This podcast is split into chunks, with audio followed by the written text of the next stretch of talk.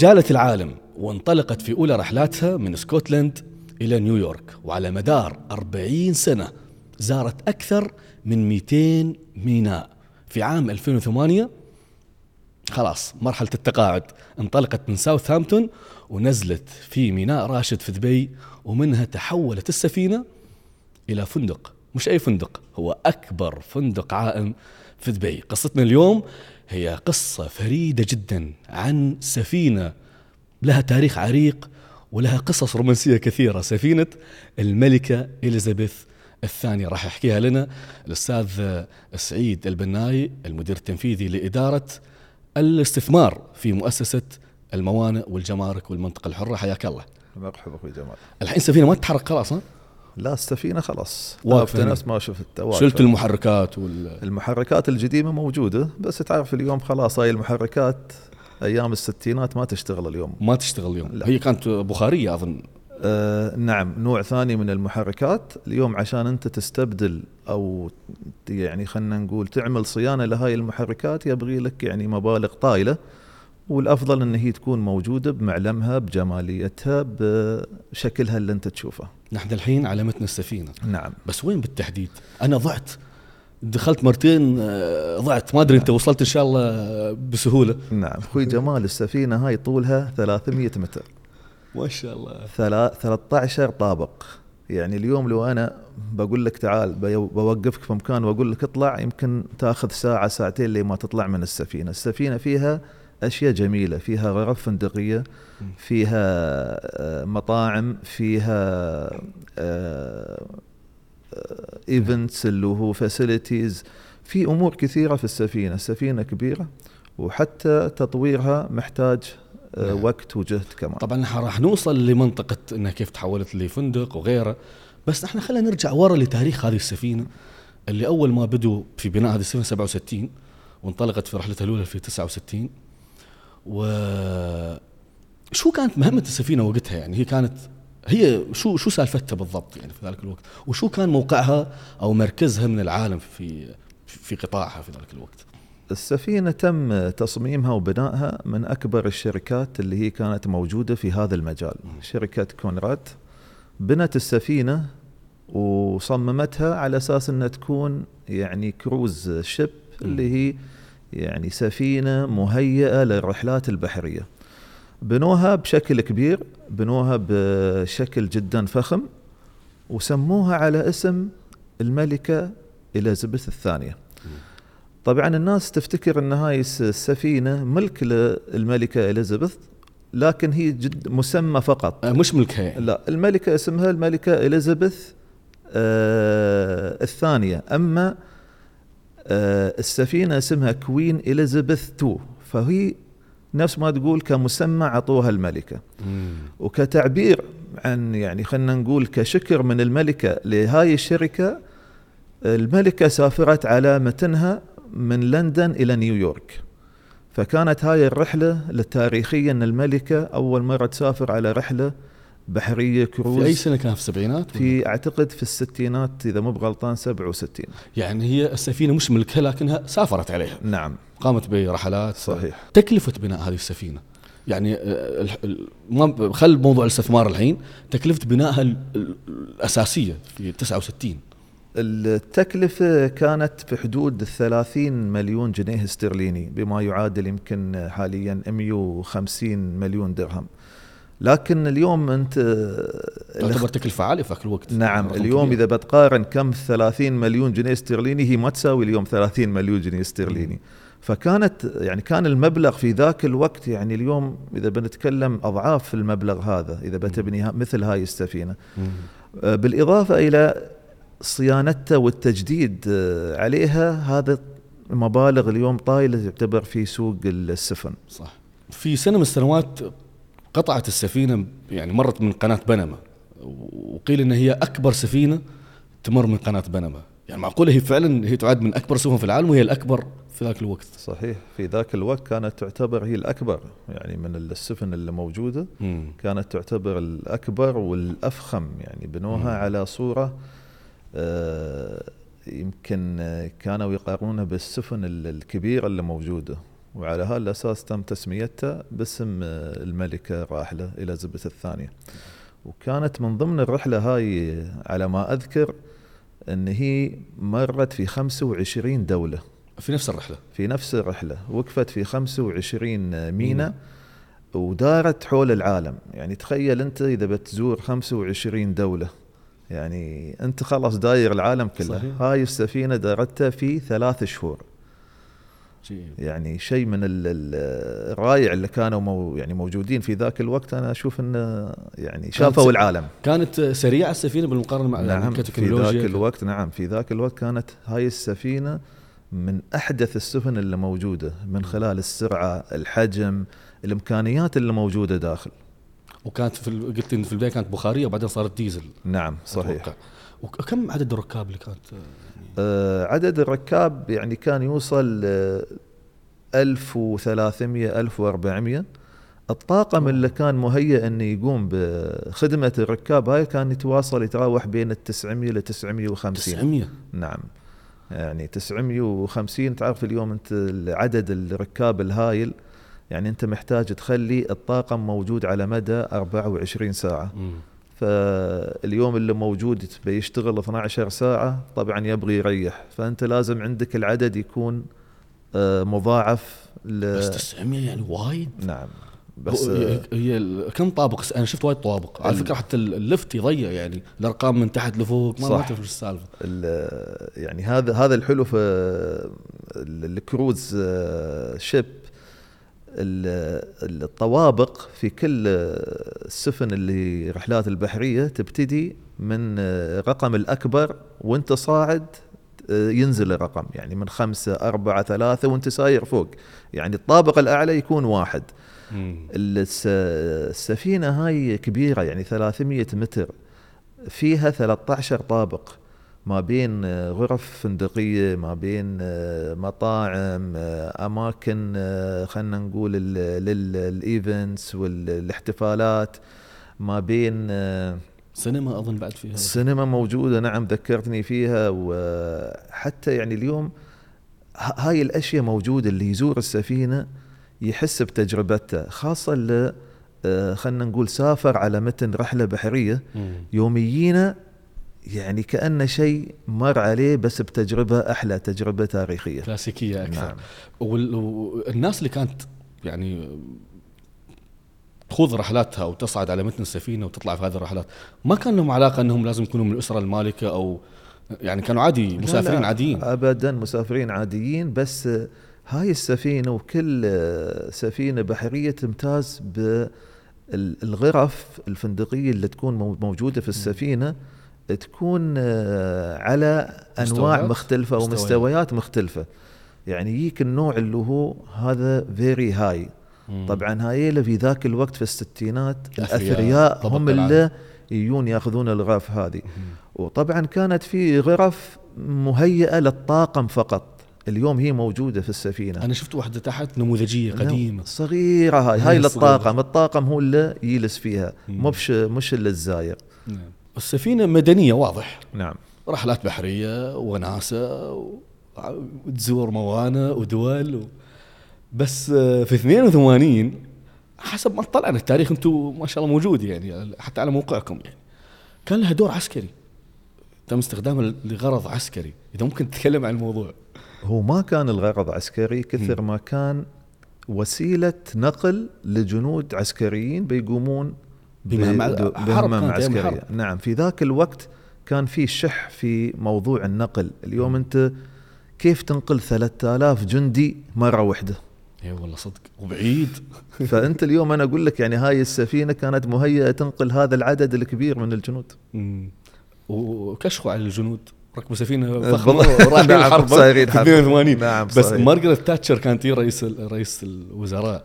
نعم. شو شو كان ال- هل كان في يعني هل كان الحدث مثل هذا أصداء إعلامية في ذاك الوقت إنه هي كانت صدمة. لها يعني كيف؟ كيف كانت صدمة لها صدمة. كيف أنت تنقل جنود في سفينة سياحية. سياحية مكلفة 30 مليون جنيه استرليني في ذاك إيه والله الوقت. حد يضربها راحت عليك سفينة. كلها في 88 في صورة شهيرة التقطت الملكه إليزابيث وهي نازلة في السفينة كانت واصلة لميناء سيدني في في أستراليا وكانت سعيدة يعني ومستانسة بال واضح إن عليها السعادة وهي نازلة من السفينة. السؤال يعني هي فعلا جابت العالم على هذه السفينة أكثر من مرة ولا كانت بس رحلة واحدة لتسجيل حضور فقط؟ لا هي سافرت أكثر من مرة على هاي السفينة. ال- وفي يعني هاي رحلة سيدني هي مرت على أكثر من دولة وأكثر من ميناء وحتى يمكن ال- الصور موجودة يعني منها اللي هي استراليا. واعتقد مرت إذا مو بغلطان في جنوب أفريقيا فهي مرت في أكثر من دولة. ما تصوب منطقه الخليج؟ لا الشرق الأوسط. حر قالت ما بين في في مشاهير أيضا سافروا في ذلك الوقت يعني قبل تحول. يعني- الامير راح لديانا نعم. ديانة. سافرت آه، نيلسون مانديلا كان نيلسون. على متن السفينة.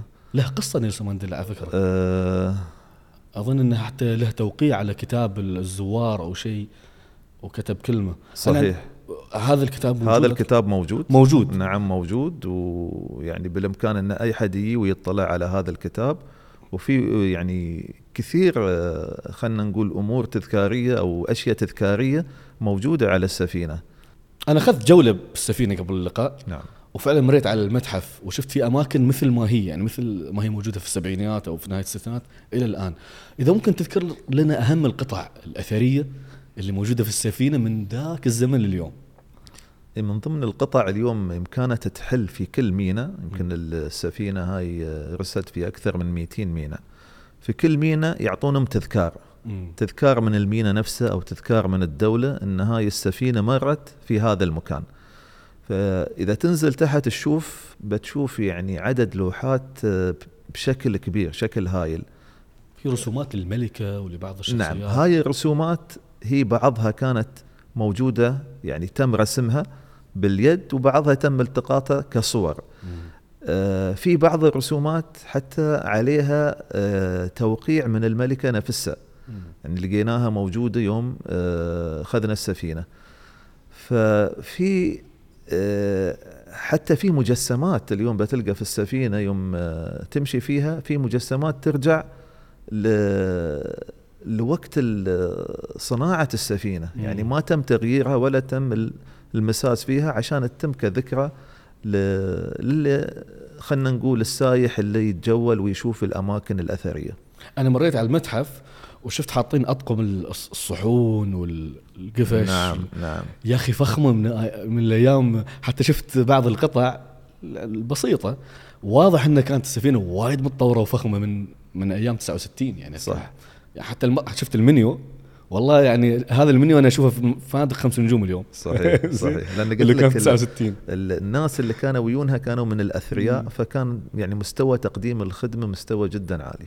والآن نفس الشيء موجود ال- الحين موجود على مطاعم متفرقة يعني. آه، أكثر مطعم موجود الآن في نعم أكثر من مطعم. في مطاعم يعني يمكن المطعم الرئيسي لأي فندق موجود. آه، في مطعم يقدم afternoon tea في مطاعم آه، للعشاء وفي مطاعم. مختلفة يعني. دامين على سوالف المطاعم وبنتكلم أكثر عن مطاعم الفندق آه، فندق السفينة أقصد. في أرقام قياسية حطمتها السفينة. آه، أظن إنه شيء يتعلق باللوبستر أكبر استهلاك أو شيء وغيرها من الأرقام إذا ممكن تفيدنا يعني. أكبر نعم. مكتبة عائمة أظن في البحر و... السفينة يمكن في سنة من السنوات كانت تستهلك فوق العشرين طن لوبستر.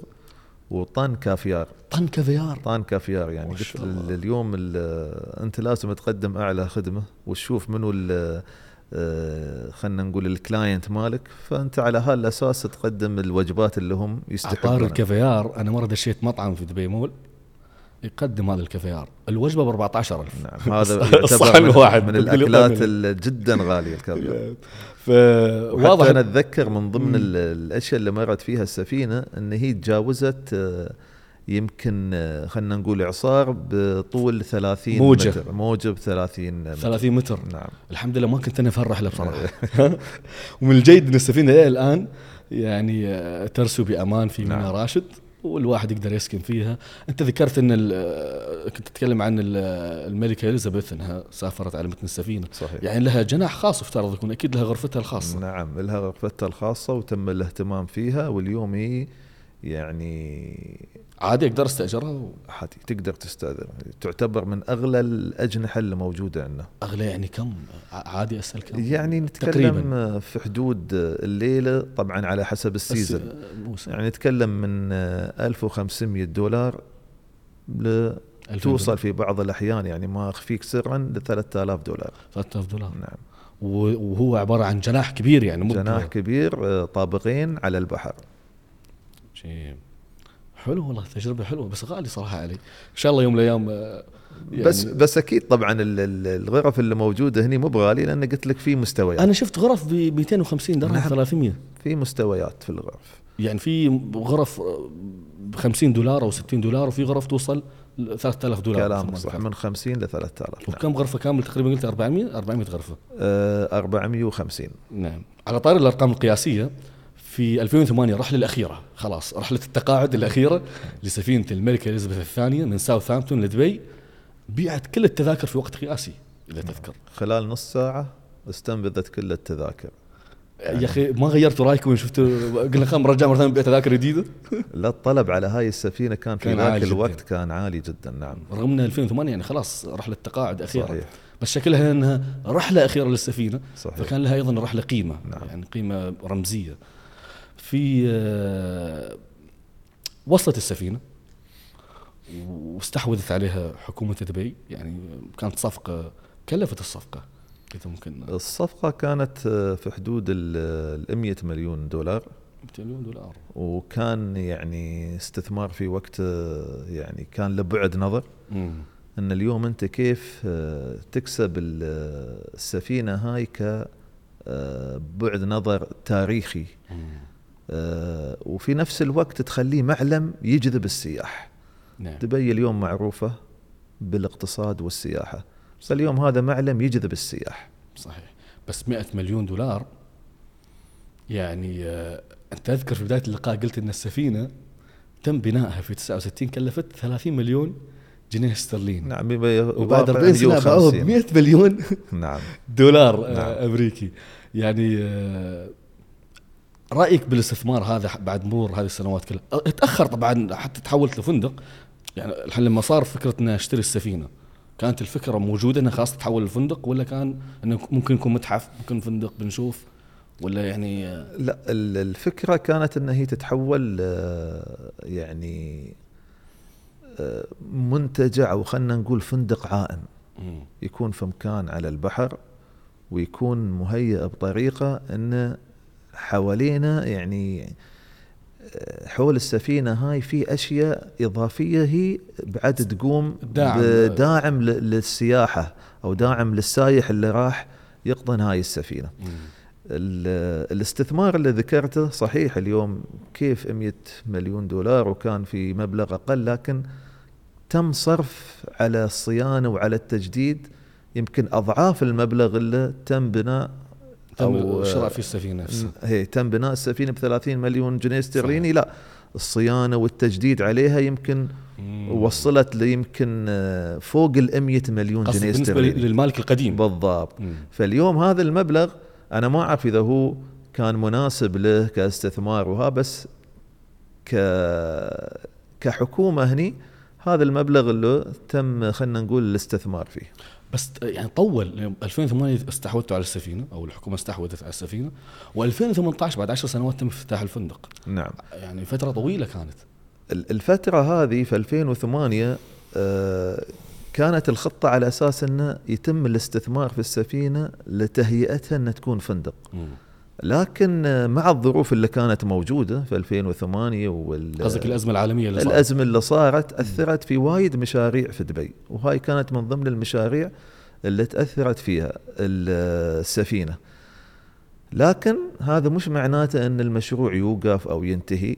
تم تأجيله للوقت المناسب وفي الوقت المناسب في 2015 تم أخذ القرار إنه لا نرجع نشتغل على هذا الاستثمار وما ينتهي. في 2016 بدينا آه، نحدث الغرف نخليها كوجهة آه، يعني وجهة فندقية تكون على طراز جديد. فندق عايم ويكون يعني مرتب بشكل جدا مناسب. في 18 تم افتتاح السفينة بشكلها اللي انت تشوفه هذا الجميل المتناسق. طبعا إذا بتشوف اليوم اللي يشوف السفينة في 2018 وشافها في 2008 في فرق, في في فرق، كثير ها؟ في فرق كثير في العشر سنين يعني, يعني داخل فرق خل... فرق كبير لكن نحن حافظنا على, على روح المعالم السفينة. على روح السفينة اليوم صح أنت ما تروم آه، تاخذ الأشياء اللي هي كانت موجودة في السابق أشياء قديمة أنت اليوم البيت اللي عندك تجدده صح. وتعمل له صيانة فما بالك سفينة موجودة في الستينات لكن حافظنا على الأشياء اللي هي تمس روح أو خلينا نقول تاريخ السفينة أنا شدني صراحة الخشب تخشيب اللي في نعم. السفينة بالطول والعرض نعم. بعض حتى ريحة الخشب الخشب ما شاء الله تشل المكان 90% من الخشب اللي موجود هذا من السابق يعني ونحن من أول ما صنعت السفينة نعم ونحن ي- نعمل صيانة نحافظ على هاي يعني نحاول نخلي الديكوريشن إن هذا الخشب يكون موجود ما يتم المساس به. شو الأشياء اللي غيرتوها بشكل كلي يعني خلاص شيء جديد صار في السفينة يعني هل أنتم العفو بس السؤال هل تم تغيير خارطة السفينة من الداخل ولا هي هي نفسها لكن تغير فقط الديكور والأصباغ والألوان والأثاث الخارطة ما تغير ما تغير شيء يعني ما كسرتوا شيء من الداخل لا أو اليوم أنت بتمر في الممر بتقول لي ليش هذا ضيق؟ هذا هذا ممر السفينة اليوم إذا أنا بوسع الممر هذا خلاص يعني كل شيء. يعني اليوم ما طلعت أنا برا موضوع آه،. تاريخ السفينة نعم. الأشياء اللي تغيرت في بعض الغرف لا خليناها فل مودرن. أنا قلت لك أنا عندي 450 ل 500 غرفة فما أقدر أخليها كلها على حالها. في بعضها تم على حالها وفي بعضها لا. تم شوية تعديل عليها وفي بعضها استوى فل مودرن تعرف اليوم احتياج السايح مختلف. يقول لك أنا أبغى اجلس في السفينة لكن ابغي الغرفة تكون فل مودرن نعم. فأعطينا يعني مستويات وأنواع مختلفة من الغرف. أنت ذكرت أن كان يفترض السفينة تكون في مكان حولها أش... يعني حول هذه السفينة مشاريع نعم. نعم. تدعم نعم. السياح. اليوم السفينة موجودة في ميناء راشد. مكان جيد لكن ما تحس إن في أماكن أفضل لو كانت السفينة موجودة فيها في دبي يعني أكيد. اليوم ال- ال- الأماكن الأفضل يعني بنتكلم كمثال. مم. اليوم أنت تخيل حطيت السفينة هاي في نخلة آه، جميرة. مثلا. مثلا. هل بالإمكان أنك تشل السفينة توديها نخلة جميره الموضوع مو بسهل. الموضوع له متطلبات. شو متطلباتك؟ اليوم الموقع موجود. زين ليش ما تودي السفينة تخليها هناك؟ لا تعال في متطلبات يمكن ال technical يعرفونها أكثر مني. صح. يقول لك ال berthing العمق لازم يكون على مستوى معين. غير ال berth لازم أنت تسوي رصيف يكون مهيئ إنه ياخذ هذا النوع من السفن. مم. ففي متطلبات كثيرة. استثمار ثاني. لها استثمار ثاني واليوم إذا بتخليها في هاي الأماكن يعني نخلة جميرة لها جماليتها ولها يعني جوها آه، الخاص. جوها الخاص. هل هذا بيركب في هذا المكان؟ فهي حين موجودة في مينا راشد مينا راشد يعني وتذكر كلام أخوي جمال مم. بتي بعد سنتين مينا راشد جدا مختلفة. اليوم في تطوير كبير راح يحصل في مينا. راشد راح يعطي جمالية لهذا المينا لهذا المكان. اليوم إذا تطلع تشوف أنت ال- اليخوت اللي موجودة حول السفينة هذا يدل إن هذا ال- ال- المكان يعني راح يكون مثل ال- ال- المواني اللي هي اليوم موجودة في أوروبا في إيطاليا وفي جميل. فرنسا. غربية. نعم يعني لكن محتاج كل هذا محتاج وقت. هل الخطة موجودة؟ الخطة يعني موجوده السفينة ما راح ينقل مكانها راح لا. يتغير المينا نفسه بالضبط. مم. سبحان الله ما كنتم محظوظين. 2008 استحوذتوا على السفينة وصارت الأزمة العالمية فتأجل المشروع شوي. 2018 بكل حماس تم افتتاح الفندق بعدها بسنتين أزمة كورونا. نعم، صحيح. فكيف تعاملتوا مع الأزمة الثانية أزمة كورونا؟ نعم. والله شوف ال- الأزمات تعلمك أنت اليوم كيف تدير يعني الاستثمار اللي أنت تقوم فيه. صحيح. آه، أزمة كورونا أثرت على الكل بما فيها هاي السفينة. صحيح. فنحن حاولنا قد ما نقدر أن نخفض التكلفة لأن خلاص ما في إيراد. منو اليوم بيجيك في كورونا يست... ياخذ غرفة من عندك. وفي نفس الوقت قلنا تعال أنت ليش من الأزمة ما تقدر تسوي شيء يغطي النفقات اللي عندك؟ كيف؟ أه تواصلنا مع هيئة الصحة في دبي. تعالوا يا هيئة الصحة اليوم كورونا على الكل. ال- إذا تذكر أخوي جمال في كورونا كل شيء وقف. صح. كل شيء حتى الطيارات وقفت مكانها ما في ما المطار. ما يتحرك. للسيارات عليها قيود ما تتحرك. يعني السفر كان ممنوع. كل شيء لكن وقف في شيء واحد ما وقف. البحر ما وقف أخوي جمال. البحر الشحن ما وقف. الشحن ما وقف. صح. والدليل إنك أنت تاخذ ال- المستلزمات اللي تبغيها عندك موجودة في الجمعيات والسوبر ماركت. ما في شيء. وقف. ليش؟ البحر ما وقف. بس أنتم هذا شو علاقتكم في الشحن؟ في بيك. دام إن البحر ما وقف وأنا موجود في الميناء. الطاقم اللي يجي هذا محتاج انه آه أنت تسوي له فحص. صح. محتاج إذا- لحجر بالضبط. إذا طلع. إذا طلع فيه المرض محتاج له حجر. صح. زين يا هيئة الصحة وين بيسوي الحجر؟ هذا موجود في البحر. وما ومن الأفضل إنه ما يرد يسافر لأنه بيأثر على الطاقم اللي بيسافر وياه. شو الحل؟ الحل إني أنا أعطيكم الباخرة هاي. تحول الغرف. تكون مهيئة لكم. وحولناها لحجر لمدة آه، ست شهور أو تسع شهور أنا في هاي المدة. يعني هذه المدة تحول نشاط الفندق من فندق عادي نعم. سياحي إلى حجر نعم. إلى حجر صحي. نعم. والله جيد غطيتوا التكاليف الأساسية على وغطينا الأقل أو جزء التكاليف منها الأقل. كان الحجر يدخل لنا مدخول ما كان موجود يعني الفنادق كلها مسكرة. والله فكرة ذكية وفكره ان السفينه معزولة عن البر. وإنها تكون حجر صحي. نعم للطاقم البحري فكرة ال- منو كانت هاي؟ والله شوف اليوم هاي الأفكار ما تي إلا من قياديين موجودين في ال- في الحكومة. نعم. بعد الستة وتسع شهور هذه بعد ما صار الفندق حجر صحي في زمن كورونا كيف رجعتوه؟ يعني رجعت الحياة كفندق سياحي عادي؟ تعرف الحجر ترى كئيب وممل وأكيد ظروفه كانت مختلفة. كيف استقبلتوا الناس؟ كيف كان ردود فعل الناس؟ كيف نشاطكم أو حماسكم للعمل من جديد؟ طبعا بعد التعافي يعني الاقتصادي والتعافي من هاي الأزمة بدأت الأمور ترجع. فبدينا نحن خلاص يعني إن حتى عدد المصابين قام يقل. فأخذنا قرار إنه خلاص ترجع ال- الأمور نفس طبيعتها ونرد نفتح الفندق نفس ما افتتحناه في 2018 فردينا في 2000 أذكر أواخر آه، 2021 2021 بدينا إن خلاص نستقبل الزوار بشكل طبيعي وبدأ الفندق 11 يرجع. الفندق؟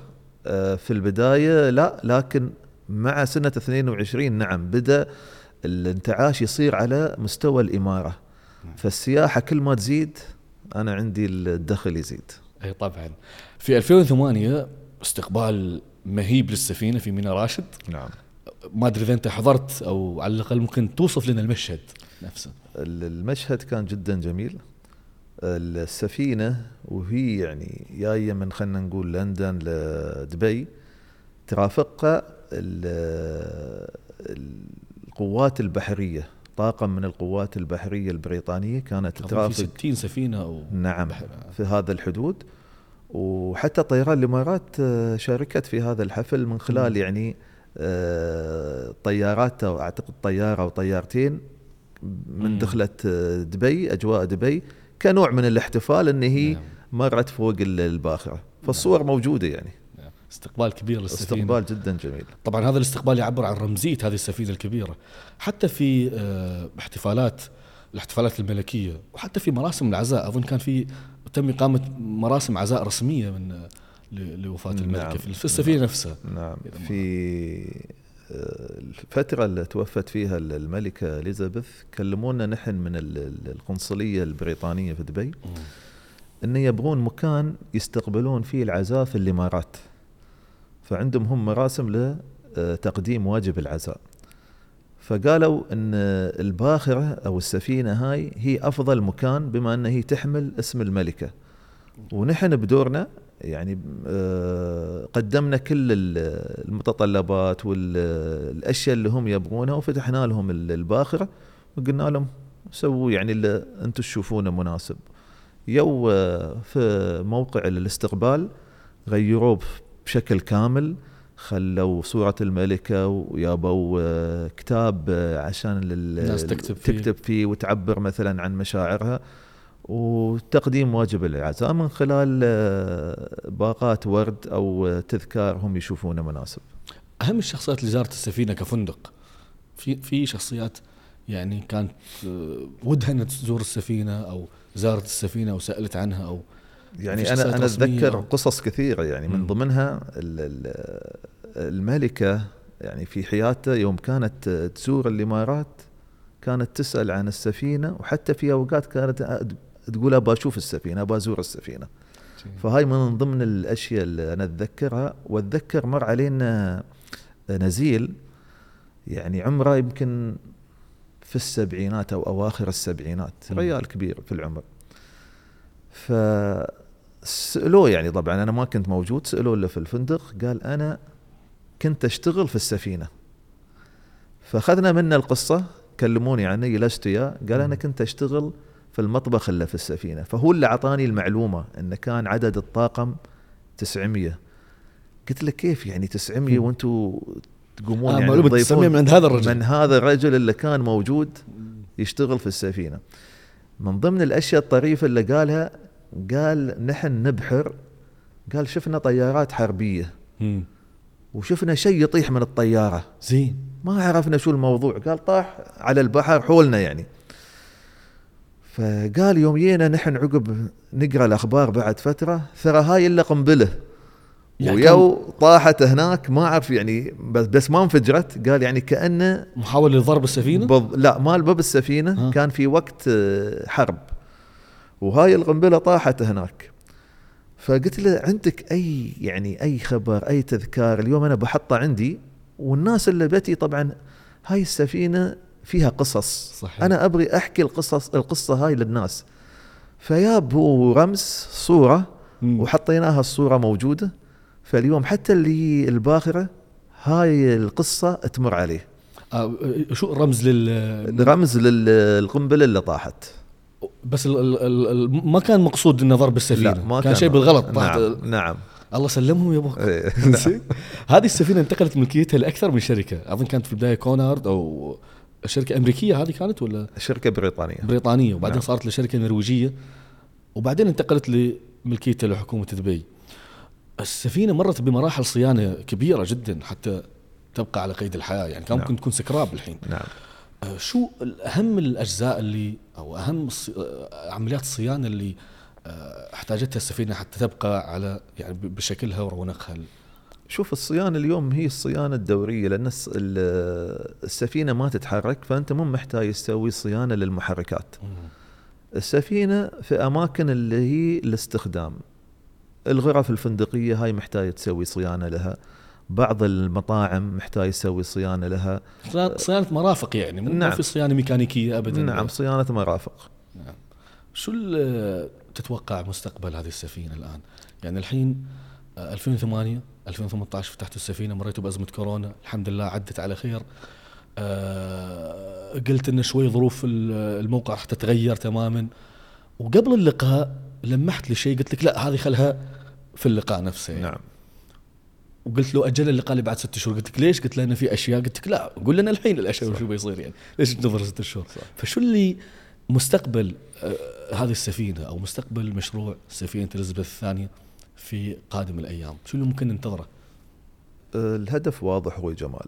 نحن نبغي نخلي هاي السفينة وجهة لكل سايح. ونخليها وجهة لكل يعني شخص يحب إنه ينزل في فندق عايم. ونخلي وجهة للشخص العادي. مو بلازم إنه تعال أنت لازم تدخل مثلا تأخذ غرفة. لا تبغي تزور انت مطعم من المطاعم نخلي هاي السفينة وجهة فنبغى نكسب الثلاث أنواع.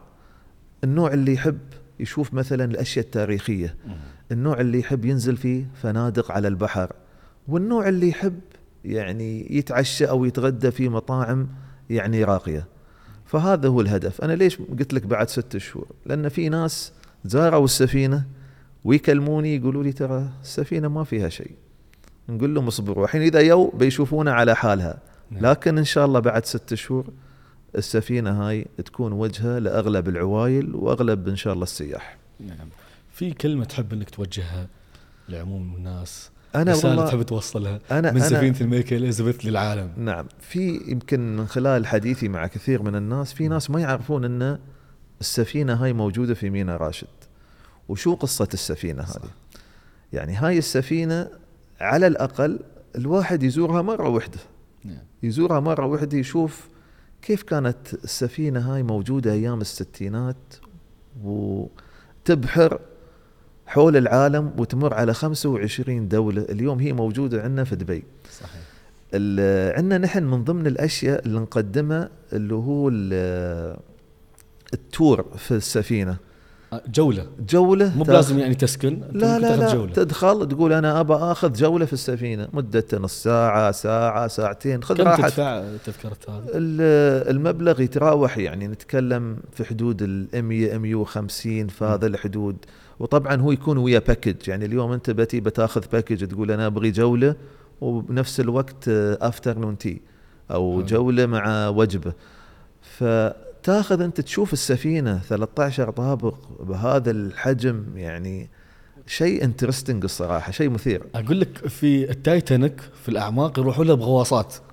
نعم شوف هذه السفينة أصلاً وهاي موجودة. موجودة. يعني. هاي ما يحتاج أنت تنزلها غوص. هي موجودة تعال بس شوفها. لا وهي طبعا على سطح البحر وبعدين هي أكبر من التايتانيك. نعم في نفس نعم، الوقت يعني. صحيح. سعيد البناي المدير التنفيذي لإدارة الاستثمار في مؤسسة الموانئ والجمارك والمنطقة الحرة. جدا سعيدين آه، بك في هذا اللقاء. شكرا لك وشكرا لسفينة الملكه إليزابيث. يعني احتضنتنا علمتنا. شكرا لك أخوي جمال. وإن شاء الله إن شاء الله الحين آخذك جولة فيها وبتكون الصورة جدا مختلفة. شكرا. الله يحفظك يا رب.